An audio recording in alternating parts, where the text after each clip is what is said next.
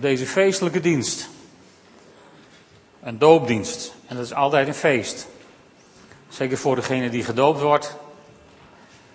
En ook voor de mensen die mogen dopen. Dat is ook een groot voorrecht. Maar voordat we zover zijn, wil ik het er even met jullie over hebben. Naar aanleiding van Handelingen 2, vers 38. Handelingen 2, het verhaal van de eerste Pinksterdag, waarop uh, Petrus zijn eerste preek houdt, de preek van zijn leven. En aan het eind van zijn preek, dan zeggen ze tegen Petrus en zijn collega-apostelen, wat moeten we doen, broeders? En dan geeft Petrus dit historische antwoord. Keer u af van uw huidige leven. Laat u dopen onder aanroeping van Jezus Christus om vergeving te krijgen voor uw zonden. Dan zal de Heilige Geest u geschonken worden. En daarom dopen wij mensen. Omdat Jezus het opdroeg en omdat Petrus dat na de uitstorting van de Heilige Geest ons zo helder meegaf. Goed, maar waarom zou u zich nou laten dopen? Nou, laten we eens teruggaan in de tijd. Naar Matthäus 3. Daar is de Heer Jezus, staat op het punt om aan zijn bediening te beginnen. De Heer Jezus is de Zoon van God. Volmaakt, zonder zonde. Niet onderhevig aan de zondeval. Dus je zou zeggen, nou als er één niet gedoopt hoeft te worden, de enige die er ooit is geweest, die een rechtmatig excuus had om zich niet te laten dopen, was Jezus. En Jezus komt bij Johannes de Doper. Lezen we in vers 13. Toen kwam Jezus vanuit Galilea naar de Jordaan om door Johannes gedoopt te worden. Maar Johannes probeerde hem tegen te houden met de woorden: Ik zou door u gedoopt moeten worden en dan komt u naar mij. En Jezus antwoordde, laat het nu maar gebeuren. Want het is goed dat we op deze manier Gods gerechtigheid vervullen. Toen stemde Johannes ermee in. Zodra Jezus gedoopt was en uit het water omhoog kwam, opende de hemel zich voor hem en zag hij hoe de geest van God als een duif op hem neerdaalde. En uit de hemel klonk een stem, dit is mijn geliefde zoon, in hem vind ik vreugde. Weet je hier, hier zie je dezelfde volgorde die Petrus neerzet. Jezus laat zich dopen en vervolgens daalt de Heilige Geest op hem neer. Prachtig. Maar waar het me even om gaat, is dat Jezus tegen Johannes zegt, joh, laat het nou maar gebeuren. Want het is goed om Gods gerechtigheid te vervullen. En dat brengt me bij het eerste argument waarom iemand zich gewoon zou moeten laten dopen. Als een daad van gehoorzaamheid. De Bijbel is er duidelijk over. En de Heer Jezus geeft ons hier het volmaakte voorbeeld. Hij hoefde echt niet gedoopt te worden. Hij was de enige die genoeg excuus had om te zeggen van nou, ik hoef niet. Maar dan zegt hij, laat het nou maar gebeuren. Laten we nu maar gehoorzaam zijn aan God. Doop, je laten dopen, is een daad van gehoorzaamheid. Dus daarom laat iemand zich dopen. En dan kom ik bij de vraag van hoe. Dat is natuurlijk een strijdpunt, wat ze in die tijd nog niet hadden. Maar wij tegenwoordig wel. Hoe? Ja, spannende vraag. Hoe? Nou, wij zijn gewend om mensen onder te dompelen in water. Om zoveel mogelijk recht te doen aan wat Paulus in Romeinen 6 schrijft over de doop. Dat we in de doop met Jezus begraven worden in het waterbad. Om vervolgens in een nieuw leven met hem weer op te staan. Nou, dat symboliseren we door de dopeling onder te dompelen in water. Bovendien geloven wij dat de Bijbel ook genoeg laat zien dat dat vroeger de gewoonte was. Want hier staat, toen Jezus gedoopt was en uit het water omhoog kwam. Met andere woorden, hij was eronder geweest en hij kwam weer omhoog. En we lezen in, eh, in Johannes 3, vers 23, dat Johannes doopte bij Enon, bij Salim, dat was aan de Jordaan, omdat daar veel water was. Nou, als iemand niet onder te dompelen, niet onderdompelt, hoef je ook niet veel water. Dan heb je aan een klein schaaltje water genoeg. Dus we gaan Olga straks dopen door haar onder te dompelen in water. Omdat wij geloven dat dat de meeste Bijbelse, de meest, meest beantwoord aan het Bijbelse model. En dan spreken we bij het dopen ook nog zo'n formule uit, weet je wel? Ik doop u in de naam van de Vader en de Zoon en de Heilige Geest. Hoe komen we daarbij? Ook uit de Bijbel. Ook uit de Bijbel, want in Matthäus 28, daar zegt Jezus aan het eind van zijn leven, zegt hij tegen zijn discipelen, ga weg, maak alle volken tot mijn leerlingen, door hen te dopen in de naam van de Vader en de Zoon en de Heilige Geest. En hun te leren dat ze zich moeten houden aan alles wat ik jullie opgedragen heb. En houd dit voor ogen. Ik ben met jullie alle dagen tot aan de voltooiing van de wereld. Dus die formule, die hebben we gewoon van de Heer Jezus gekregen. Die nemen we over uit de opdracht van Jezus. Maar bovendien is de doop niet, niet zeg maar het eindstadium van je geestelijke ontwikkeling. Nee, het is eigenlijk een beginstadium van een nieuwe fase in je geestelijke ontwikkeling. En het is ook niet vrijblijvend, want Jezus zegt, je moet de mensen die je gedoopt hebt ook leren dat ze, dat ze gaan doen wat ik jullie heb geleerd. Dus de doop is een daad van gehoorzaamheid, maar ook na de doop wordt er gehoorzaamheid van je verwacht. Gehoorzaamheid aan wie? De persoon waar het allemaal om gaat. Wie? Is ook een belangrijke vraag. Daar vinden we een antwoord op in Handelingen 19. In Handelingen 19 komt de apostel Paulus in Efeze. En daar ontmoet hij een aantal mensen. En die, uh, ja, die zijn op een of andere wijze gelovig.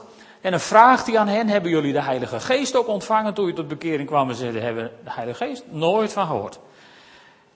Handelingen 19. Terwijl Apollos in Korinthe verbleef, kwam Paulus na zijn reis door het binnenland in Efeze aan. Hij ontmoette daar enkele leerlingen, aan wie hij vroeg, hebben jullie de Heilige Geest ontvangen, toen jullie het geloof aanvaarden? Ze antwoordden, nee, we hebben zelfs niet gehoord van het bestaan van een Heilige Geest. Hij vroeg, hoe zijn jullie dan gedoopt? Met de doop van Johannes, antwoordden ze. Daarop zei Paulus, Johannes doopte de mensen om hen een nieuw leven te laten beginnen en zei tegen hen dat ze moesten geloven in degene die na hem kwam, in Jezus.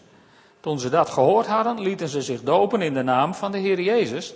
En toen Paulus hun de handen oplegde, daalde de Heilige Geest op hen neer, zodat ze in klanktaal gingen spreken en profeteerden. Hier vinden we iets heel moois. Hier zien we dat het dus gaat om de doop zoals Jezus het ons heeft opgedragen. Om ons te laten dopen in de naam van Jezus. Waarom is dat belangrijk? Nou, ik denk om deze reden. Paulus zet hier de doop van Johannes en de doop van Jezus tegenover elkaar. En, en wat is nou de doop van Johannes? Paulus zegt de doop van Johannes, dat was een doop die mensen ondergingen om hen een nieuw leven te laten beginnen. Met andere woorden, ik laat me dopen en vanaf nu ga ik het anders doen. Met andere woorden, je gaat een ander leven beginnen uit eigen kracht. Dat was de doop van Johannes. Iedereen die bij Johannes kwam om zich te laten dopen, moest het anders gaan doen, maar dat moest hij zelf doen. Daar moest hij zichzelf mee redden. En de doop van Jezus is een hele andere doop. Want de doop van Jezus, die komt pas in beeld na Pasen. En na de opstanding van Jezus uit de dood. En de doop van Jezus is ook zo'n doop van het moet anders. Alleen het niet, niet van het moet anders en dat ga ik doen. Nee, het moet anders, maar dat kan ik niet. Dat is de doop van Jezus. Het moet anders, maar dat kan ik niet. Maar dankzij Pasen weet ik dat Jezus Christus het voor mij heeft gedaan en Hem ga ik volgen. Dat is de doop van Jezus. Achter Jezus aan, door het waterbad, in, in, in die zekerheid dat je het zonder Jezus niet kunt. Daarom is dat verschil zo belangrijk. Je kunt namelijk helemaal niet uit eigen kracht en, en, en op eigen houtje het anders gaan doen. Want wij zijn mensen die door de zondeval gewoon in zonde ontvangen en geboren zijn. Onze natuur is, is bedorven door de zondeval. Misschien denk je, nou, daar heb ik geen last van, want ik ben niet slecht. Dat zal wel niet. Maar uh, Als u straks naar huis rijdt en iemand maakt wat een ongelukkige manoeuvre waardoor u bijna verongelukt, zou ik uw gedachten wel even willen lezen. Om even te checken, bijvoorbeeld, of u niet bent aangeraakt door de zondeval. En als u niet auto rijdt, is er wel een andere situatie waarin je elke keer weer geconfronteerd wordt met je eigen natuur. Want je wordt allemaal wel eens boos misschien. En je schiet allemaal wel eens uit je slof. En je doet allemaal wel eens iets onredelijks. En je hebt allemaal wel eens in ieder geval op zijn minst de verleiding in je om iets te doen waarvan je weet dat dat niet in overeenstemming is met het woord van God. En als je daar nooit geen last van hebt, ben je niet eerlijk tegen jezelf. We zijn allemaal aangeraakt door de zonde. En dus wij kunnen het helemaal niet anders doen. Dat wist God ook wel. Daarom stuurde hij zijn enige geboren zoon naar deze wereld. Opdat een ieder die in hem gelooft, niet verloren gaat, maar eeuwig leven heeft. Dat is de doop van Jezus. In hem geloven en door het geloven in hem gered te worden voor de eeuwigheid. En in de kracht van Christus kun je het anders doen in je leven. Zonder de kracht van Christus is dat een verloren strijd. En daarom is het belangrijk. En als deze mannen dat horen, dan laten ze zich dopen. Daar kom ik straks nog even bij terug. En dan kom ik bij de, de volgorde der dingen. Die kan soms ook zo belangrijk zijn. Weet je, de volgorde der dingen was als het over dopen ging, in het begin van de kerk heel gemakkelijk. Er was niemand christelijk geboren en opgevoed. Er was niemand als baby gedoopt door zijn ouders. Er was, die waren er gewoon allemaal niet. Dus al die problemen waar wij tegenwoordig elkaar over in de haren vliegen als kerken, die hadden we niet. Het was heel gewoon van, je kwam tot bekering en je riep Jezus aan om, om vergeving van je zonden te krijgen en je liet je dopen en je ontving de Heilige Geest. En dat gebeurde in de meeste situaties binnen een uur. Veel langer deden we er niet over. Dat hebben we later uitgevonden. Dat mensen heel lang naar catechisatie moesten en na zoveel jaar eindelijk op de paasdag gedoopt mochten worden enzovoort. Die dingen vind je in de kerkgeschiedenis, maar dan is de kerk al een paar honderd jaar oud. Petrus had daar geen last van. Petrus riep, je moet je bekeren, je laat het open en de Heilige Geest ontvangen. En Petrus bedoelde dat niet in drie stappen, maar voor Petrus was dat één stap. Zomaar klaar.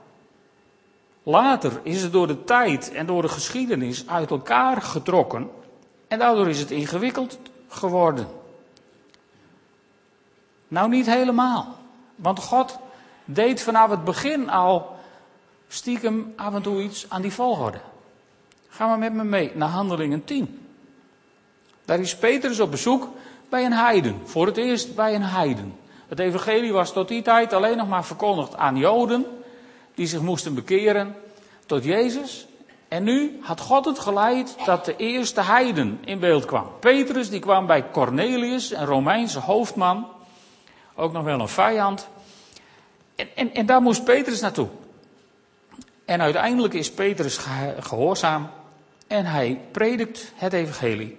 En dan staat er, terwijl Petrus nog aan het woord was, daalde de Heilige Geest neer op iedereen die naar zijn toespraak luisterde. Dat hoorde niet zo.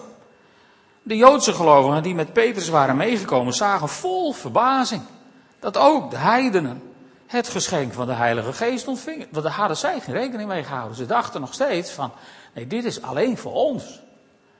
En hier keken ze met stomme verbazing dat God daar geen boodschap aan had en de Heilige Geest zomaar gaf aan een plukje heidenen.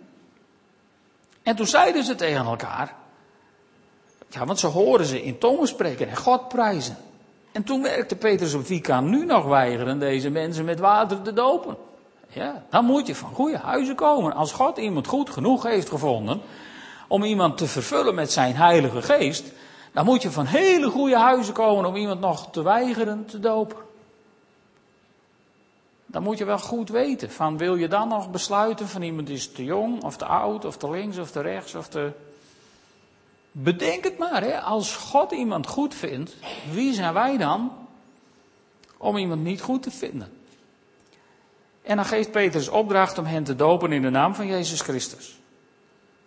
Dit, dit verhaal lijkt het meeste op onze tijd. Wij kennen tegenwoordig ook mensen die, Ja, die zijn in een, in een christelijk gezin geboren en die zijn in een, eh, in een gemeente opgegroeid. En, en, en ze zitten daar nu bij het kinderwerk en daar wordt hun verteld over de Heer Jezus. En daar wordt hun al aangemoedigd om, om, om hun leven aan de Heer te geven en de Heer Jezus in hun hart te ontvangen. Met andere woorden, ze worden daar al aangemoedigd om, om de Heilige Geest toe te laten in hun leven. En dan komt er zo'n moment en dan gaat ineens het iemand over hebben over de doop. En dan, ja, dan moeten ze nog een keuze maken. Zou ik me willen laten dopen of niet? Dit lijkt op die situatie. Met deze tekst hebben we misschien wel het meeste. En de vraag is dan ook van wat let je dan? Ook daar heeft de Bijbel zo'n prachtig gedeelte over in Handelingen 8. Het lijkt wel alsof het eerste deel van Handelingen helemaal over dopen gaat. Dat is ook bijna zo. In Handelingen 8, daar is, is Filippus. Weer iemand anders. Iemand die was aangesteld om uh, nou, zeg maar te zorgen dat mensen te eten hadden en zo. Een, een diaken. En die diaken die ging ver buiten zijn boekje, want die preekte. Ja, kan het ook niet helpen. Filippus deed dat. En, en, en het wonderlijke was dat God het ook nog zegende. Dat kon natuurlijk helemaal niet. Maar goed, God had daar geen boodschap aan. En bij Filippus kwam eerst in Samaria een hele stad tot bekering. En toen kwam die, die eenzame reiziger tegen. Op weg naar Ethiopië. En die zit in de Bijbel te lezen. En dan zegt Filippus, die begint geen moeilijk theologisch verhaal of zo. Die doet helemaal niet ingewikkeld. Die zegt alleen, snap je het wel? En gelukkig zegt die man, nee, ik snap het niet. Anders dan hadden ze elkaar de groeten gedaan en dan was het zomaar voorbij geweest. Nee, die man zei, ik snap het niet. En dan preekt Filippus hem de Christus. Staat er zo mooi in dat verhaal. Geweldig. Filippus pakt de kans aan om het over Jezus te hebben. Een echte evangelist. En dan luistert die man een poosje naar hem. En die kijkt even uit het raam van de koets of whatever. En dan komen ze bij een plaats waar water was. En de eunuch zei, kijk, water. Waarom zou ik niet gedoopt kunnen worden? Wat een vraag, hè? Waarom zou ik niet gedoopt kunnen worden? De meeste mensen die nog niet gedoopt zijn, die worstelen met de vraag, wanneer zou ik goed genoeg zijn om gedoopt te kunnen worden? Of, of wanneer, eh, ja, wanneer, wanneer zou het me het beste uitkomen, denken we misschien ook nog wel eens. Of, of ja, wanneer zou misschien mijn familie er rijp voor zijn om het te overleven? Dat kan ook zo'n vraag zijn. Allemaal verkeerde vragen. De enige legitieme vraag die je in de Bijbel tegenkomt is de vraag: waarom zou ik niet gedoopt kunnen worden? Nou, daar moet je een goed antwoord voor jezelf op hebben. Want uh, maakt het niet ingewikkeld hoor. Filippus maakt het niet ingewikkeld. Filippus die liet de wagen stilhouden, beiden liepen het water in en hij doopte hem. Volgens latere handschriften, daarom staat het ook tussen haakjes en in de nieuwe Bijbelvertaling zelfs in een voetnoot. Maar volgens latere toevoegingen beweert men, zei Filippus tegen hem, als je met je hele hart gelooft is het geoorloofd. En hij antwoordde en zei, ik geloof dat Jezus Christus de Zoon van God is. Dit lijkt wel op een doopgesprek. Dit is ongeveer het doopgesprek wat we doen. Dit willen we weten. Gelooft iemand dat Jezus Christus de Zoon van God is? Langer is het toelatingsexamen ook niet. Het is ook geen multiple choice vraag. Je hoeft alleen maar ja of nee te antwoorden. En, en, en that's it. Vaak proberen wij om het ingewikkelder te maken. Maar de Bijbel is zelden ingewikkeld. De Bijbel is vaak verrassend eenvoudig als we het maar even willen zien. Dus de vraag is, wat let je? Nou, dan zijn die mensen die zeggen, ja nee, maar mijn, mijn ouders hebben mij als baby laten dopen en uh, dat is voor mij genoeg. Ah, dat vind ik prima. Als je dat zeker weet, dan moet je er ook voor staan. En als je besluit om toch gedoopt te worden, je te laten dopen, ja, dan zullen er mensen tegen je beginnen, bijvoorbeeld met het verwijt dat je je laat overdopen.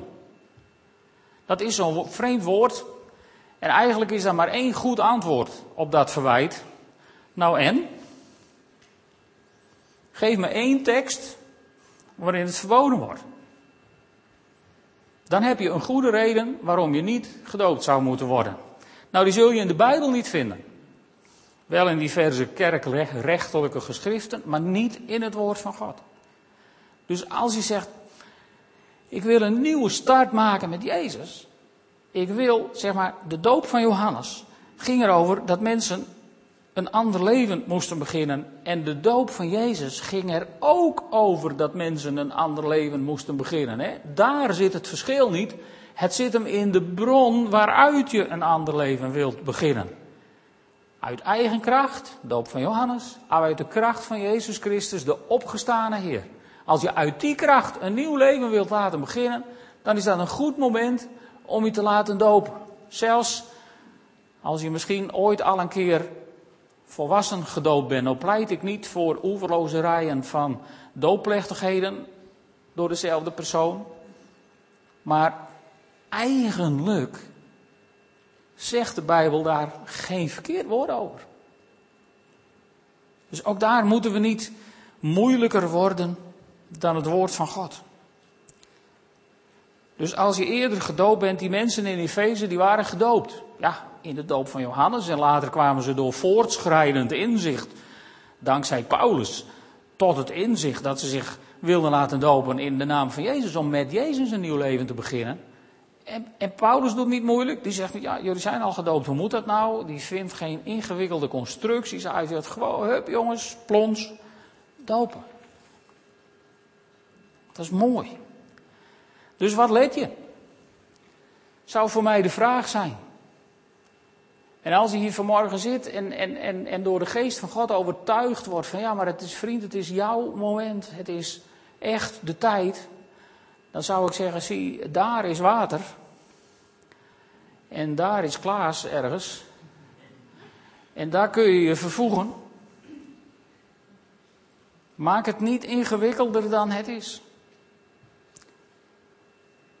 Goed. En dan ben je gedoopt. Wat is er dan met je gebeurd? Ik wil jullie eerst een paar dingen aanreiken die de doop niet doet. Sommige mensen hebben daar hele hoge verwachtingen van, van nou dan ben ik er, dan is het helemaal klaar en dan hoef ik nergens meer over in te zitten.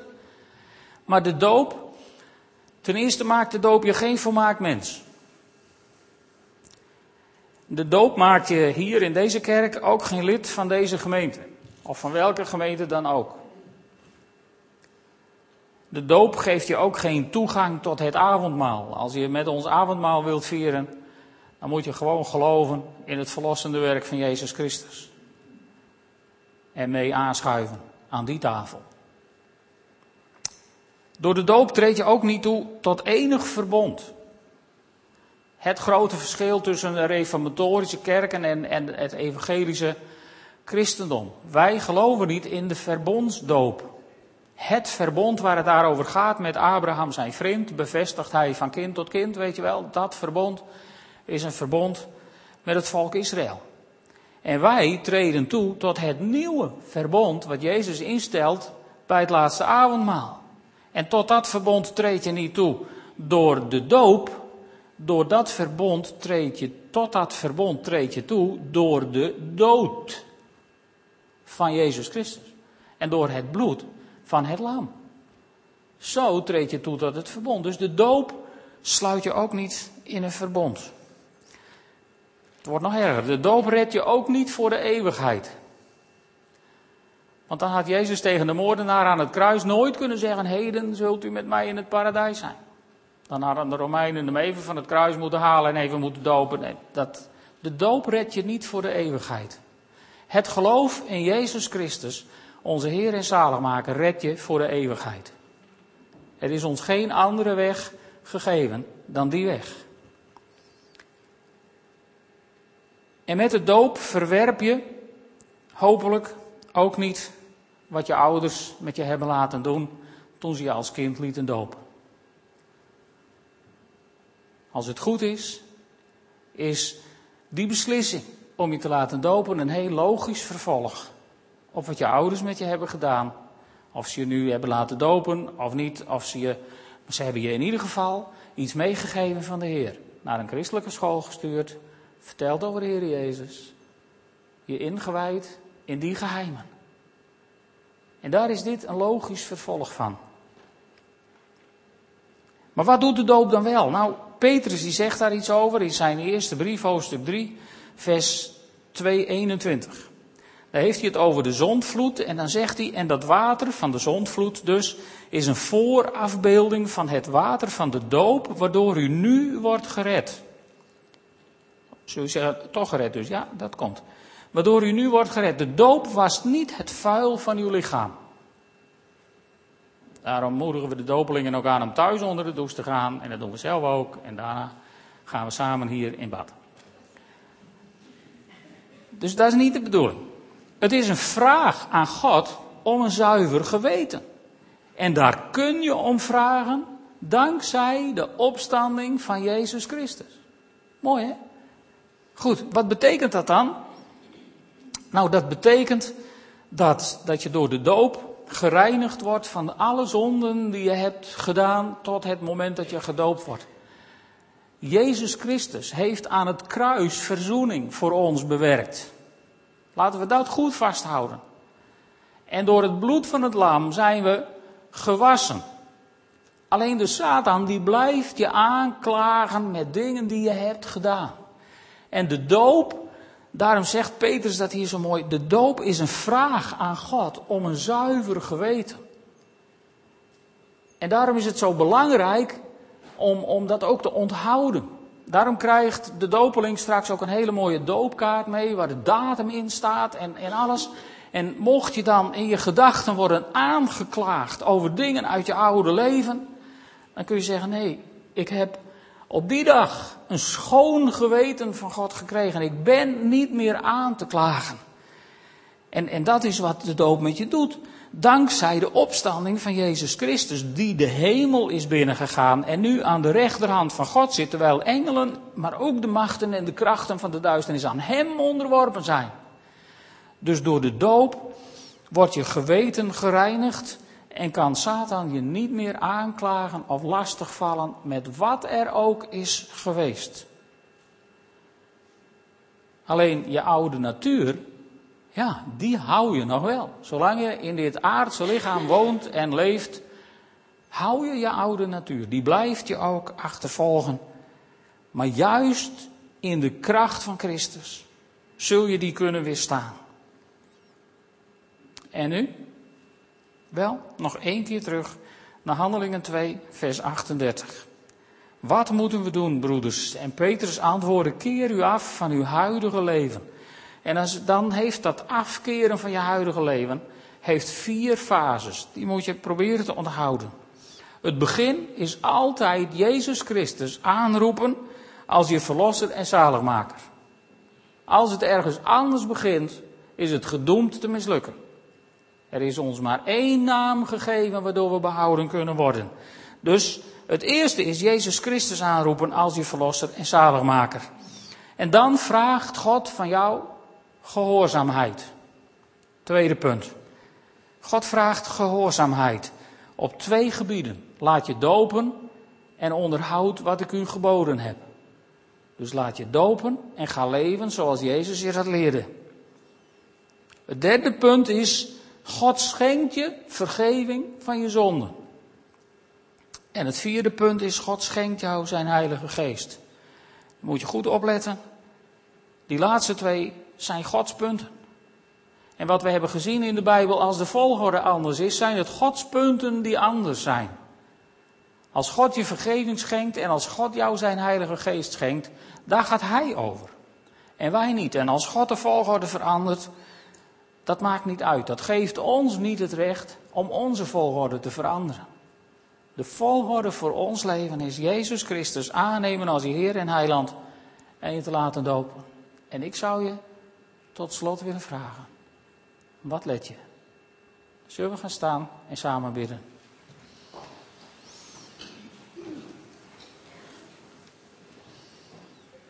Heere God, ik wil u danken dat u onze Heer en zaligmaker wilt zijn. Dat u ons verlost hebt. Heer, toen u voor ons stierf, droeg u al onze zonden aan het kruis. En toen u weer opstond uit de dood, gaf u ons de mogelijkheid van een nieuw leven. En Heer, als we Olga straks onder laten gaan in het water, dan gaat daarmee alles van haar oude leven teloor en zal ze in een nieuw leven weer opstaan. Heer, en zal ze sterk zijn om, om haar oude natuur de baas te kunnen. Niet omdat u van Olga een supermens maakt, maar omdat ze gehoorzaam is aan u en omdat u dan ook uw deel nakomt. Heere God, dan vergeeft u en dan geeft u uw Heilige Geest in al zijn kracht en in al zijn facetten. En ik bid u, Heere God, laat de doop die nu komt voor Olga een levensveranderend moment zijn.